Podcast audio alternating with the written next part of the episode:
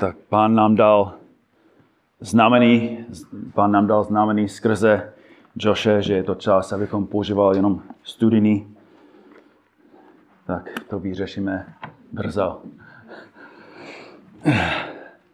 Tak znovu máme před sebou stejnou kapitolu, kterou jsme měli před sebou před týdnem i před dvěma týdny.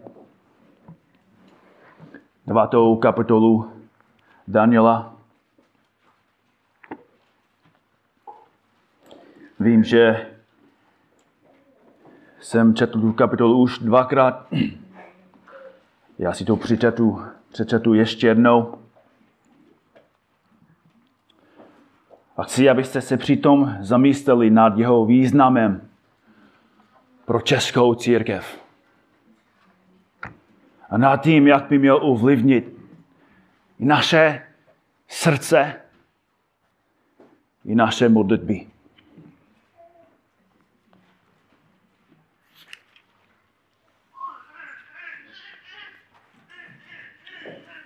V prvním roce Dareja, syna Akasheferošova z potomstva Médského, jenž byl učiněn králem nad královstvím chaldejským, v prvém roce jeho králování jsem já, Daniel. Pochopil z knih, co se stalo jako hospodinovo slovo k proroku Jeremiášovi, že počet roku, který se má naplnit ohledně trosek Jeruzaléma, je 70 let. Tehdy jsem obrátil svou tvář k panovníku Bohu, abych jej hledal modlitbou a upěnlivými prozbami v postu, žiněném rouchu a popelu. A tak jsem se modlil k hospodinu svému Bohu. Vyznával jsem a říkal, ach, panovníku Bože veliký a hrozivý, zachovávající smlouvu a milosrdenství těm, kdo tě milují a, a zachovávají tvé příkazy. Zdřešili jsme, páchali jsme zlo, jednali jsme ničemně, zbouřili jsme se, odvrátili se od tvých příkazů a nařízení. A neposlouchali jsme tvé služebníky proroky, kteří ve tvém jménu mluvili k našim králům, velitelům, našim otcům i ke všemu lidu země. Tobě, panovníku, náleží spravedlnost, ale nám zbývá tohoto dne jenom hanba. Judejcům a obyvatelům Jeruzaléma i celého Izraele, blízkým i vzdáleným ve všech zemích, kam si je zahnal za jejich věrolomnost, kterou se tobě věřili. Hospodine, nám náleží jenom hanba našim králům, našim velitelům i našim otcům, neboť jsme zřešili proti tobě, panovníkovi našemu Bohu, zůstávají stutováni a odpuštěni. To, protože jsme se proti němu vzbouřili a neposlouchali jsme hospodina svého Boha, abychom žili podle jeho zákonu, které nám překládal prostřednictvím svých služebníků proroku ale všichni v Izraeli přestoupili tvůj zákon. Odvrátili se a neposlouchali tě. Proto se na nás sesípala prokletí a zdořečení, jak je psáno v zákoně Mojžíše, otroka Božího, neboť jsme vůči němu zřešili. On naplnil svá slova, jenž promluvil proti nám a proti našim správcům, kteří nás spravovali, že na nás uvede velké zlo. Co se nastalo, nas, ne, nestalo pod celým nebem. To se, se stalo v Jeruzalémě. Takové, jaké je psáno, zapsáno v zákoně Mojžíšově, veškeré takové zlo přišlo na nás a my jsme se nesnážili udobřit hospodina svého Boha, abychom se odvrátili od svých zvraceností a abychom porozuměli tvé pravdě. Proto hospodín bděl nad tím zlem a uvedl je nás. Neboť hospodín náš Bůh je spravedlivý ve všech svých činech, jež učinil. Vždy my jsme ho neposlouchali. A teď, panovníku, Bože náš, jenž si vyvedl svůj lid z egyptské země mocnou rukou a, a učinil si jméno až do tohoto dne. Zřešili jsme, ničemně jsme jednali. Panovníku, pro všechny tvé spravedlivé činy, kež se tvůj hněv i tvé rozdícený odvrátí od tvého města Jeruzaléma tvé svaté hory, vždy to kvůli našim hříchům a zvrácenostem našich otců Jeruzalém i tvůj lid je v potupě ode všech okolo nás. Teď ale vyslíš, Bože náš, modlitbu svého otroka i jeho upěnilivé prozby. Rozjasný svou tvář nad svou spuštěnou svatyní pro panovníka Nakloň, Bože můj, své ucho a slyš. Otevři své oči a vys, jak jsme spuštění, spustoušení. My i město, které se nazývá tvým jménem. Vždyť své upněnilivé prozby před tebe přednášíme ne pro své spravedlivé činy, nýbrž pro tvé mnohé sledování. Ach, panovníku, slyš, Ach, panovníku, odpust. Ach, panovníku, pozorně naslouchej.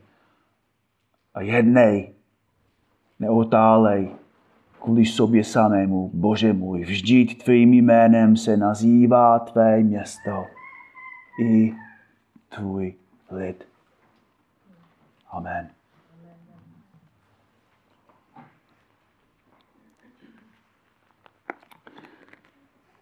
Dva týdny jsme probírali tu pasáž. V prvním kázání jsme studovali kontext Danielovy modlitby. Následující týden, týden, minulý týden jsme studovali obsah Danielovy modlitby. Dnes ráno se budeme zabývat konkrétními aplikacemi z Danielovy modlitby. A bratři a sestry, chci na začátku říct, že to, co budu vám říkat dnes ráno, je velmi těžký říct.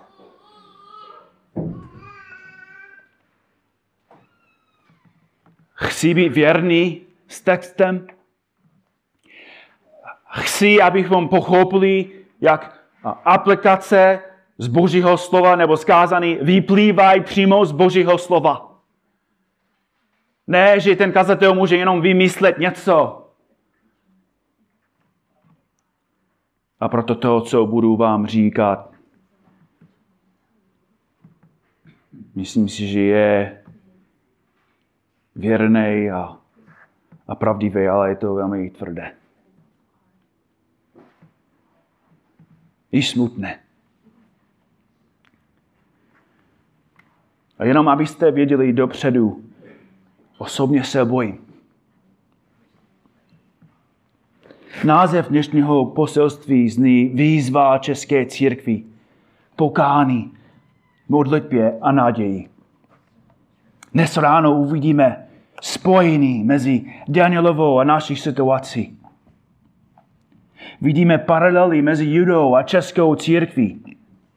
A uvidíme paralelu mezi tím, jak Daniel reagoval na svou situaci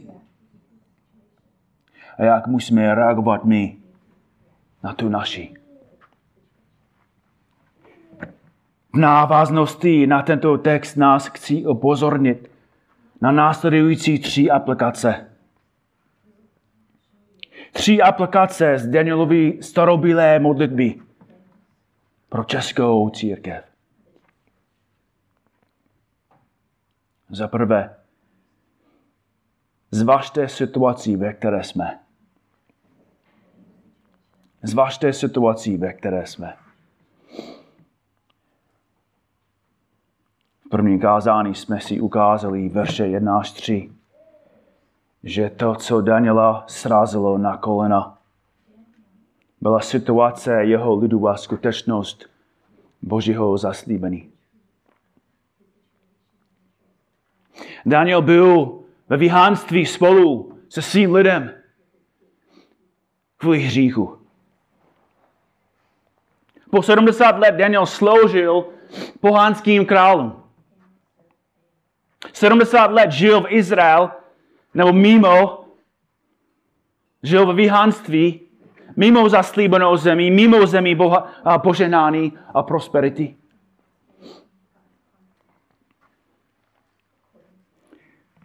Ale díky osobnímu studiu knihy Jeremiáše však Daniel pochopil, že boží soud nad Jeruzalémem a Judském se blíží ke konci. Věděl, že Bůh bude věrný svému slovu a přivede zbytek svého lidu zpět do judské země. Daniel si však taky uvědomil, že když seděl ve svém pokoji před božím slovem, tisíce židů v Babylonu a okolí zapomněli, proč jsou ve vyhanství. Zapomněli, že, že, že jsou cizinci. Na život v Babylonu si již zvykli. Byli spokojení a, a šťastní. Mnozí z nich dokonce zapomněli svůj vlastní jazyk. Už nechtěli se vrátit. Už netoužili po Bohu. Netoužili po své země.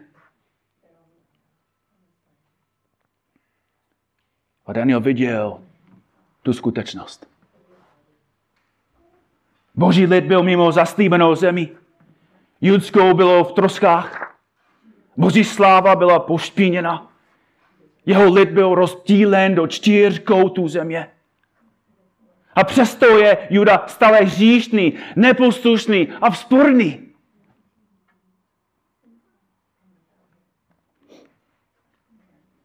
A tak si Daniel roztrhne šaty. Pláče, když nikdo jiný nepláče. Truchlí, když to nikdo jiný neudělá. Lituje, když to nikdo jiný neudělá. Postí se a, a sípe si popel na hlavu, když to nikdo jiný neudělá.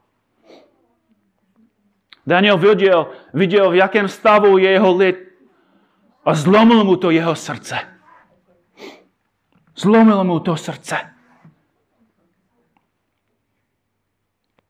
Proto potřebujeme mi tuto kapitolu. Potřebujeme vidět, v jaké situaci se česká církev nachází. Nemusím vám říct, že česká církev je slabá a mocná. Nemusím vám říct, že současný stav České církve je tragický. Je to o to tragičtější, když se uvědomíme jeho bohatou a, a poženanou historii. Sedíme uprostřed země, které je jednou z prvních skupin, kde bylo písmo svaté přeloženo do jazyka lidu. Cyrila a Metoděj přišli na Moravu v roce 863 našeho letopočtu. Přeložili písmo do staroslovenštiny. V těchto zemích existuje Bible již od konce 9. století. 1200 let. Významnější je, že v češtině existuje Bible již od 12. století tisíc let. Jedna starší překlad je tak věrný a dobrý, že lidi ho ještě používají dneska. Biblická, Biblia králická. Velmi dobrý překlad. A přestože tento národ seděl dlouho v temnotě, zotročen papežským náboženstvím, Bůh vzbudil muže jako Jan Milič z Kroměříše, Jeroným Praský, Jan Hus.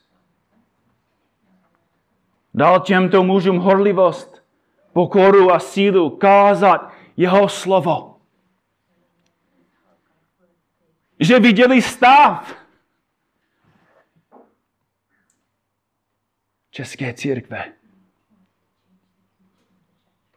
kázali Boží slovo. Čeli protivenství. Vydali své životy za pravdu. nebali se člověka. Viděli, že lidi byli zoufali, ztraceni. Že jediná cesta byla hlásat Boží slovo. I po jeho mučenické smrti i po smrti Husa Bůh vzbudil další, kteří studovali Boží slovo, kázali Boží slovo a pásli Boží lid. I po všech válkách a pro následovaných se uvádí, že na konci 16. století bylo v Čechách 85% obyvatel protestantů.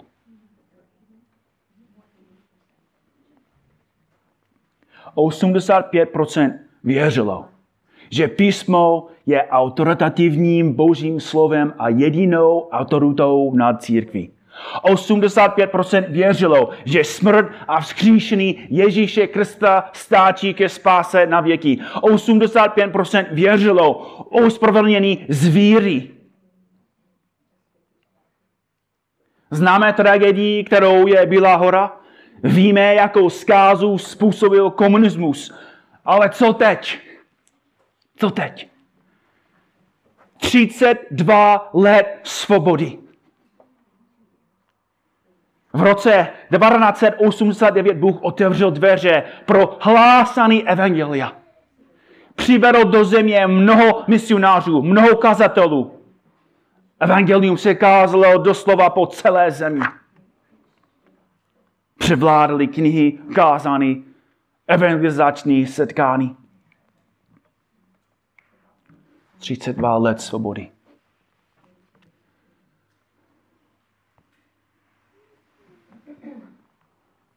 Třicet dva let příležitosti. Tento celý národ se změnil. Bohatství, auta, vzdělání. Tento národ je, je v dalekom lepším stavu, než to bylo předtím. Všecko se změnilo k dobrému.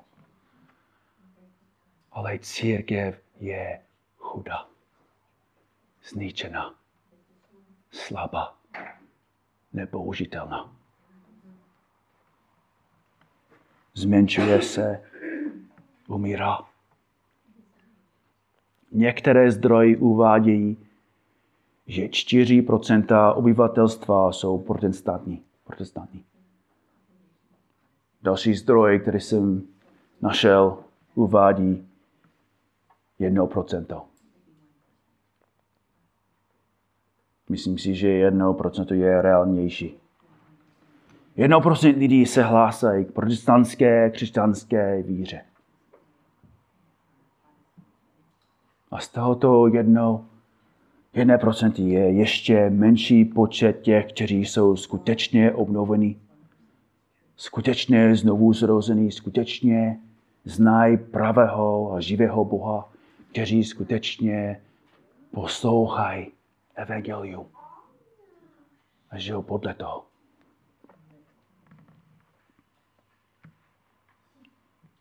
Bratři a sestry, musíme vidět, v jaké situaci je česká církev. Musíme být upřímní, musíme být realističtí. Stejně jako Daniel musíme uvažovat o situaci České církve. Ale to nestačí. Za druhé musíme spolu s Danielem význat příčinu této situace. Musíme význat příčinu tohoto problému. Na současný stav, v němž se česká církev nachází, existuje jedna konečná odpověď.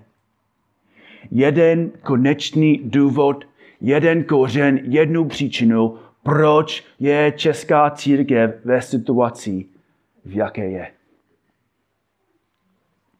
Stejně jako Juda, i česká církev odmítla Boží slovo.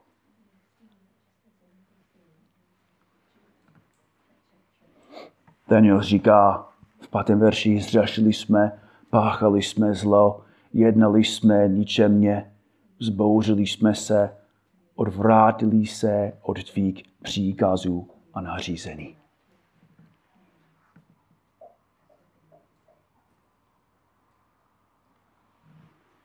V 13. verši my jsme se nesnažili udobřit hospodina svého Boha, abychom se odvrátili od svých zvraceností a abychom porozuměli tvé pravdě. Proto hospodin děl nad tím zlem a uvedl je na nás, neboť hospodin náš Bůh je spravedlivý ve všech svých činech, jež učinil. Vždyť my jsme ho neposlouchali.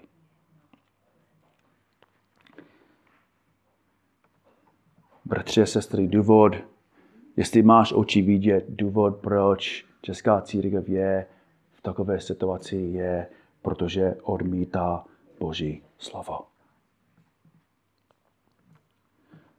Učinila tak mnoha způsoby, ale já uvedu ty zjevené a nejdůležitější. Za prvé, odmítá autoritu Bible. Odmítá autoritu Bible. Mohli bychom říct, ano, že Bible není jediná autorita. Mohou bych kritizovat kázání, která jsou plná příběhů a vtipů, kázání bez mocí a milostí, kázání zaměřená na, na člověka ale myslím si, že je i specifičtější způsob, jak popírají autoritu Božího slova.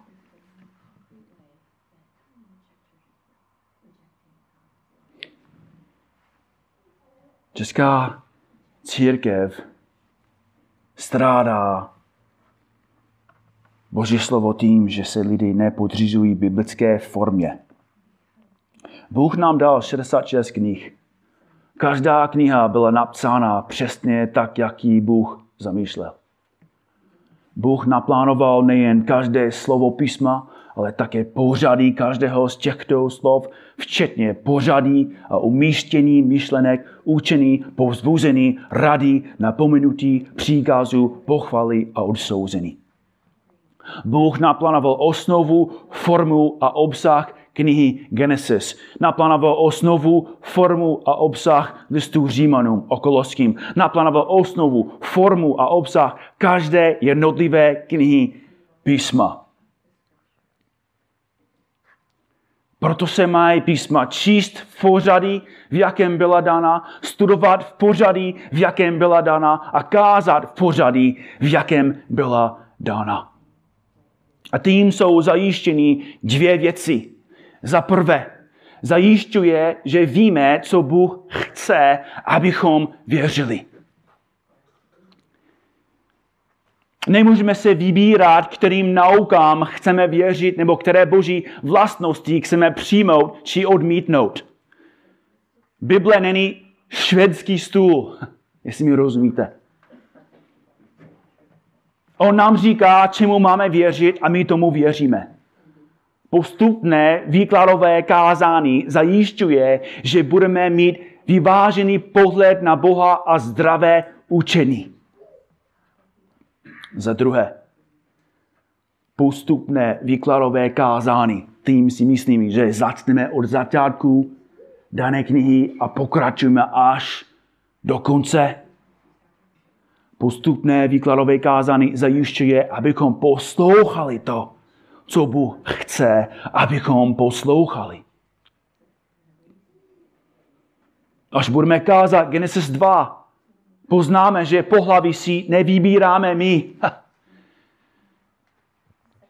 Když kážeme přes celý list, první, přes celý první list korinským a celý první list Timotej, uvěříme, že my nerozhodujeme o tom, zda ženy mohou být staršími nebo ne.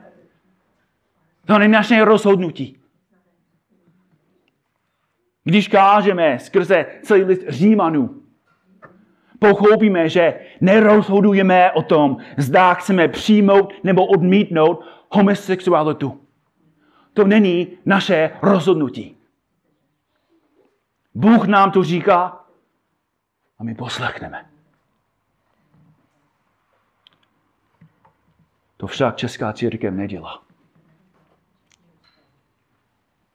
České církve nechtějí písmo v podobě, kterou jim dal Bůh.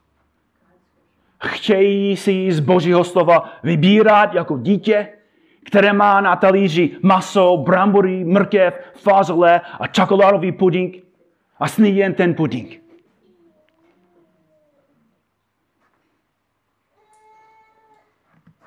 Jednu neděli pěkné kázání o lásce, další kázání o Davidovi a Goliášovi, další týden kázání o víře, následující týden kázání o, o dávání a další týden další kázání o dávání, protože má kazatel nízký plat. Když kazatelé skačou všude možně a každou neděli kážou tematicky – podstatě ignorují inspirované Boží slovo a sám si jednají v roli Ducha Svatého. Bratři a sestry, já vím, že možná z vašeho pohledu to vypadá jako malou věc, ale není. Je to jeden z hlavních, hlavních důvodů, proč česká církev je hladová.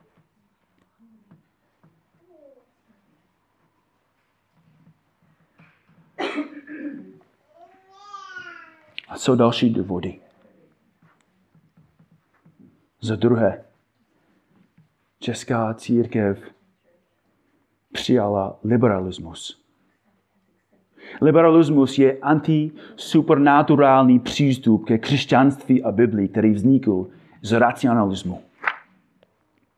Liberalismus popírá zázračné prvky písma a zdůrazňuje význam lidského rozumu. Liberalismus je prostě předsvědčený, že člověk ví všechno nejlépe než Bible. Člověk má právo sedět nad Božím slovem a, a určovat, které části Bible jsou skutečně inspirované a které jsou pouze lidské.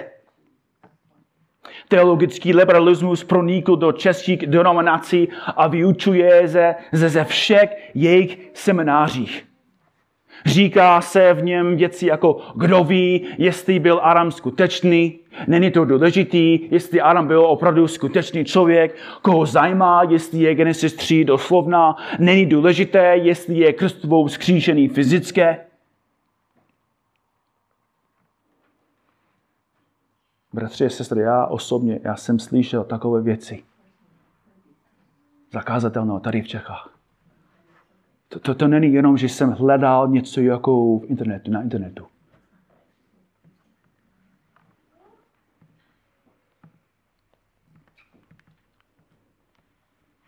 Ze třetí česká církev přijala synkretismus. Synkretismus je snaha míchat prvky jejich náboženství s vlastním náboženstvím. Něco z Ježíše, něco z Molacha, něco Romfy, míchat a kombinovat různé víry. Česká církev má různé formy tohoto říhu. Ale hlavní, na kterou bych vás upozornil, je synkretismus Bible a psychologie.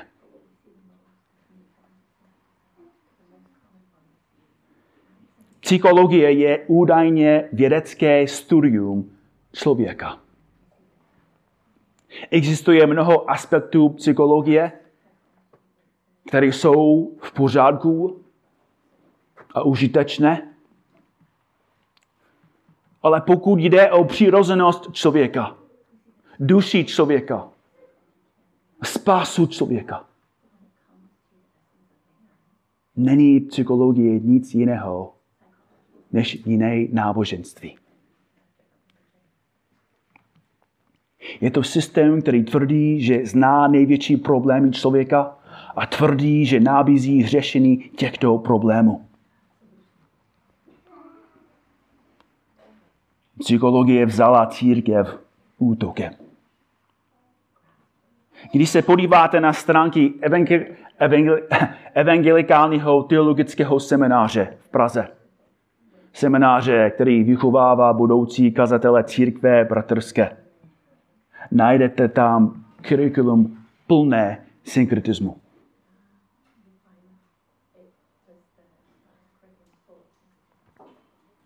Bratři a sestry, když ty denominace přijali liberalismus, ztrátili víru božím slově.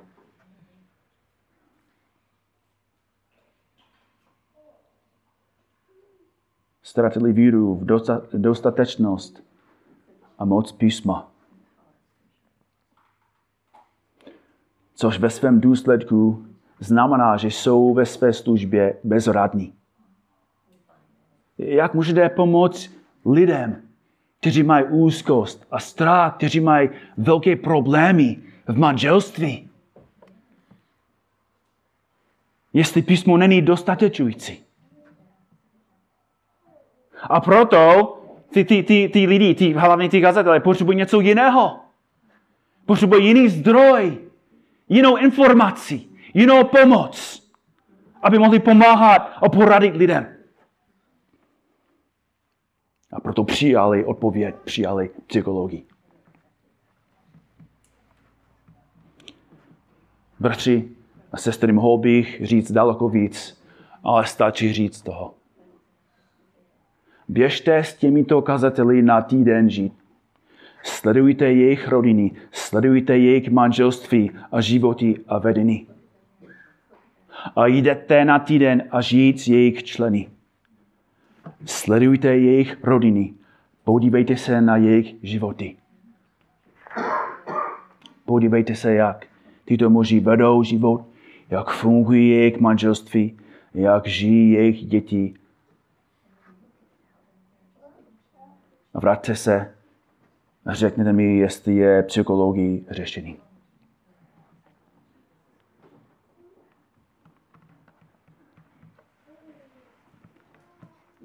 Další příčina, další způsob, jak česká církev odmítá Boží slovo, je ekumenismus.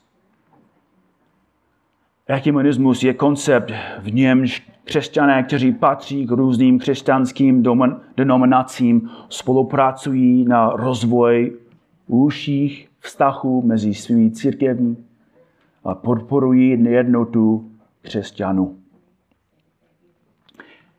Ekumenismus sám o sobě není špatný. Je dobré, když spolupracujeme s jinými místní sbory, které mají stejný pohled na písmo, na Boha, zastávají stejně dá základní doktriny, jako je trojce, evangelium. Proto se můžeme stýkat s českými věřícími z jiných denominací, nebo, nebo někdy pořádat společné bohoslužby, či, či společné výjezdy, společné akce. Ale oficiální ekumenické hnutí zde v Česku je službou kompromisu. Snaží se umenšit nejdůležitější pravdy písma, aby dosáhlo falečné jednoty mezi další sbory. Záměrně se vyhýbá otázce, co rozdělou církev v době reformace. Co rozdělilo církev v době reformace? Co vyprovokovalo stá tisíce mužů a žen k tomu, aby opustili katolickou církev a byli dokonce pronásledováni a zabíjeni. Kvůli čemu došlo k rozdělení? Kvůli autoritě a evangeliu. Katolická církev říkala, že písmo a církev jsou směrodatné. Reformátoři říkali sola scriptura. Písmo sám je autoritativní a dostatečující, dostačující, promiňte, dostačující pro církev. Katolická, římská katolická církev říkala, že ke spase je nutná víra a skutky. Reformátoři říkali pouze víra v Krista. Reformátoři říkali, že nepřijmeme autoritu papeže. Katolická církev řekla, upalíme vás. Nejednalo se o zanedbatelné problémy. Byly a jsou to ty největší problémy, kterými se církev může kdy zabývat. Nic se nezměnilo. Postoj římské katolické církve k papežské autoritě a neomilnost se nezměnil. Jejich učení o spasení ze skutků se nezměnilo. Přesto se tisíce českých protestantů ve jménu ekumenické jednoty rádi skromáždí s heretickou církví. Neskromážďují se proto, aby s nimi sdíleli evangelium nebo je prosili, aby přišli k pravému a, a živému Kristu.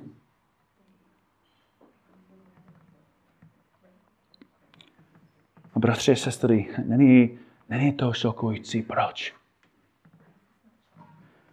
V roce 2009 předseda církev bratrské, církve bratrský, předseda také ekumenické radě církví v České republice. Při navštěvě papeže Benedikta v Praze v tomto roce předstoupil ten prezident, kazatel, předstoupil před intronizovaného pontifika a oslovil vaše svatosti, milí bratře v Kristu. Po jeho pozdravu následovala tato slova. Pro nás všechny je velkou ctí a radostí setkat se s vámi při příležitosti vaší navštěvy České republiky jako zástupci církví ekumenického společenství v České republice si tohoto společného setkání velmi vážíme a vítáme vás i jménem věřících našich církví.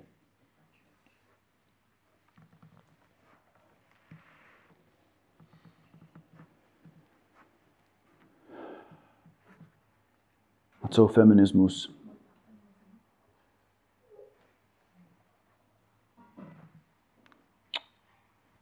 Největší protestantskou denominací u nás je Českobraterská, Českobraterská církev evangelická. Podle vnitrocírkevních údajů měla Českobraterská církev evangelická ve 2008 přesně 69 715 členů. 251 zborů a 215 kazatelů. Z těchto kazatelů je 145 mužů a 61 žen. Denominace také uvádí, že má 20 pastoračních pracovníků, dva muže a 18 žen.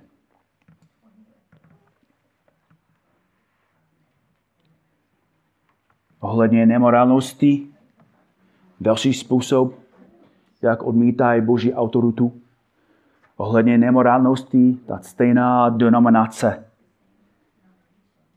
mají tohle přímo na své webové stránce. Webové stránce. Mají otázku, jak vnímá Českou bratrská církev evangelická otázku homosexuality? Homosexualita je v naší církvi předmětem rozhovoru. Chceme být otevření novému zkoumání širokého kruhu odborníků, včetně teologů při hledání původu a souvislosti homosexuality. Za podstatné považujeme význání, že lidé s homosexuální orientací jsou stejně jako ostatní součástí Božího stvoření a patří do prostoru Boží lásky i lidského porozumění. Z toho vyplývá naše pomoc homosexuálům při jejich úsilí o plný život uprostřed společnosti i církve.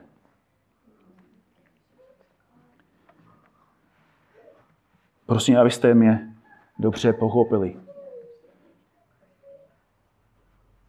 Milujeme lidi, kteří žijou takové životy. A kvůli tomu, že je milujeme, říkáme jim pravdu. Říkáme jim evangelium. varujeme je před božím hněvem a soudem. Ale Česká církev říká, že to je v pořádku. Přijďte k nám, jste stejně jako my. Jste taky boží stvoření. Ano, jsou. A jsou taky padli. A taky potřebují boží milost. A taky musí činit poukání. Bratři, sestry, sotva je mým cílem pouze udělat dělící čáru mezi, mezi námi a jimi, mezi, mezi námi a dalšími denominací. Kdyby některé z církví a denominací, které, které jsem kritizoval, hodnotili můj život a kázání, nepochybně by našli věci, které by mohli kritizovat. Kdyby hodnotili naší církev, našli by mnoho slabých míst a, mno, a možná i oblasti, oblasti říchu. Jsme hříšníci.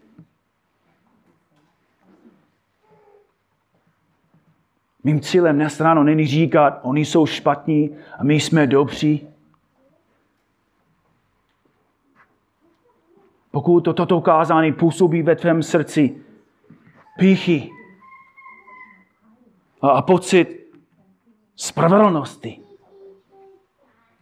buď jsem si nevyjádřil jasně, nebo si mě nepochopil.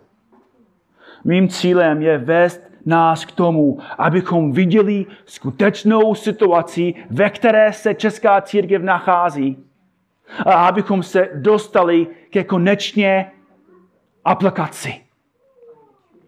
Proste o milost a modlete se v naději. Proste o milost a modlete se v naději. Toto kázání není o soudu. Není to výzva, abychom odsuzovali všechny ostatní, abychom se sami cítili dobře. Výzva je, abychom se dívali na tu situaci a reagovali, jak reagoval Daniel. Daniel začal u sebe. Vyznal své říky, svou říšnost. Hlavní důvod, proč byl smutný, je, že se díval do svého srdce a viděl svou nevěrnost. A potom se díval na svůj lid. Díval, na, díval se na situaci Judska.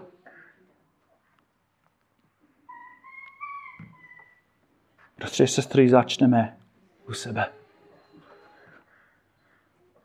Není ani jeden z nás tady, který dokonale poslouchá Boží slovo. Každý den odmítáme Boží slovo. Každý den říkáme Bohu, ne, já dělám to, co chci já. Já chci, já chci tohle, to udělám. Žijeme proti Bohu, pro sebe. Jsme často sporní. A proto jsme se sešli dnes ráno vyznávat své říky, činit pokány a prosit Boha o milost.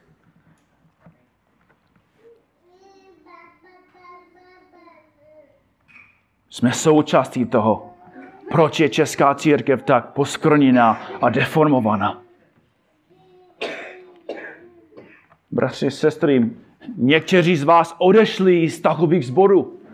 Což znamená, že předtím jste, i vy, vy jste tam byli, i, i vy jste přidali do tvé hromady hříchů, problémů. A navíc ještě máme tam v těch zborech přátelé, možná příbuzní, rodiny. Neříkám, že, že, že každý člověk jako v těch zborech je špatný. V žádném případě. Jsou, jsou, jsou lidi, kteří milují pána. Chodí s ním. Někteří jsou, jsou ochotní vyznávat ty věci, někteří vidí ty věci, někteří nevidí. Někteří se prostě bojí něco říct, nebo jsou příliš unavení z toho, než aby něco udělali. A to však pro nás není řešený. Musíme tedy prosit o milosrdenství. I když ostatní nebudou, musíme mít. S Danielem musíme říct teď, ale vyslíš, Bože, náš modlitbu svých otroků. Jo, upenlivé prozby rozjasní svou tvář nad svou spuštěnou církví. Naklon Bože můj své ucho a slyš, otevři své oči a víš, jak jsme spušť, spustouštění, my i církev, která se nazývá tvým jménem. Bratři a sestry, Daniel se modlil v naději, v důvěře, že Bůh vysvobodí svůj lid a znovu ukáže národům svou slávu. To je základ naší modlitby.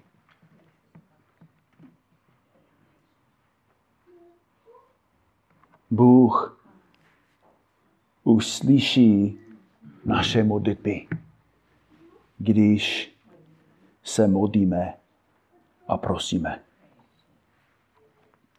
Všechny jsem vás uvěznil dnes ráno.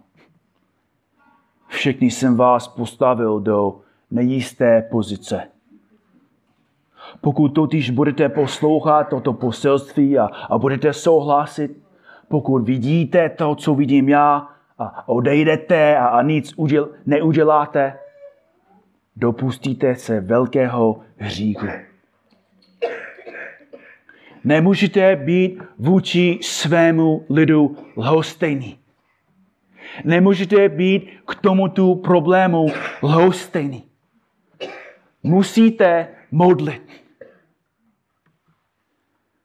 Když jsem byl ještě v temnotě, když jsem byl ještě ztracený, když jsem byl v spouře proti Bohu, ty dva kluci se, na mě, se za mě modlili. Prosili, pane Bože, zachrán Markuse. Otevři mu oči. Já chodí do sboru a on si myslí, že je věřící. Myslí si, že je na cestě do nebe. Když jsem byl na cestě do pekla. A ty kluci se modlili za mě. A prosili Boha, aby mě zachránil. A Bůh slyšel jejich modlitby. A uslyší i naše. Bratři, sestry, pán může probudit tu celou církev.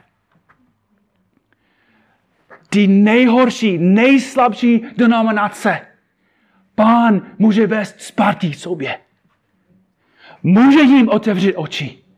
Může jim změkčit srdce.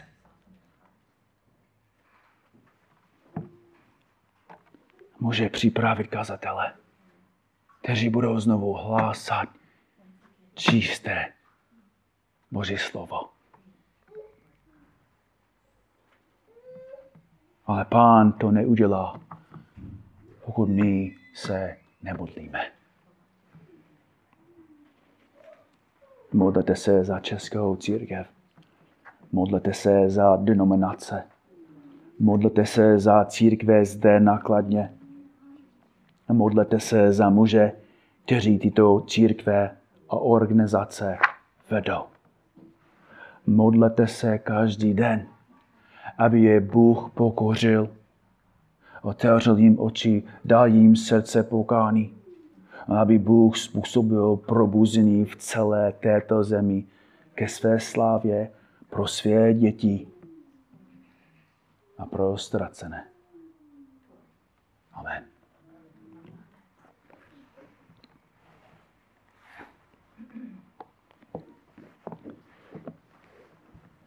Pane Bože, my jsme hříšný lidi, neposlušný.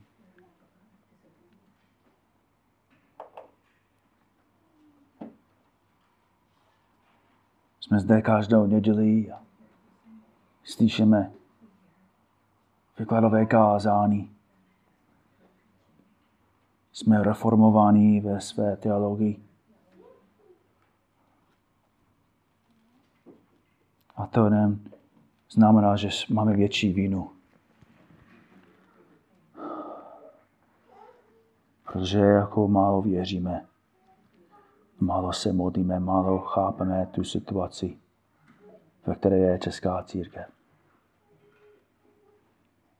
Pane, pro svou slávu, prosíme tě, abys probudil tento celý národ. Abys začal u nás. Nejsme zapalení, nejsme horliví. Odpust nám, pomoz nám a používej nás ke tvé slávě a ke pomoci lidí tady ve jménu tvého syna, našeho Spasitele. Amen.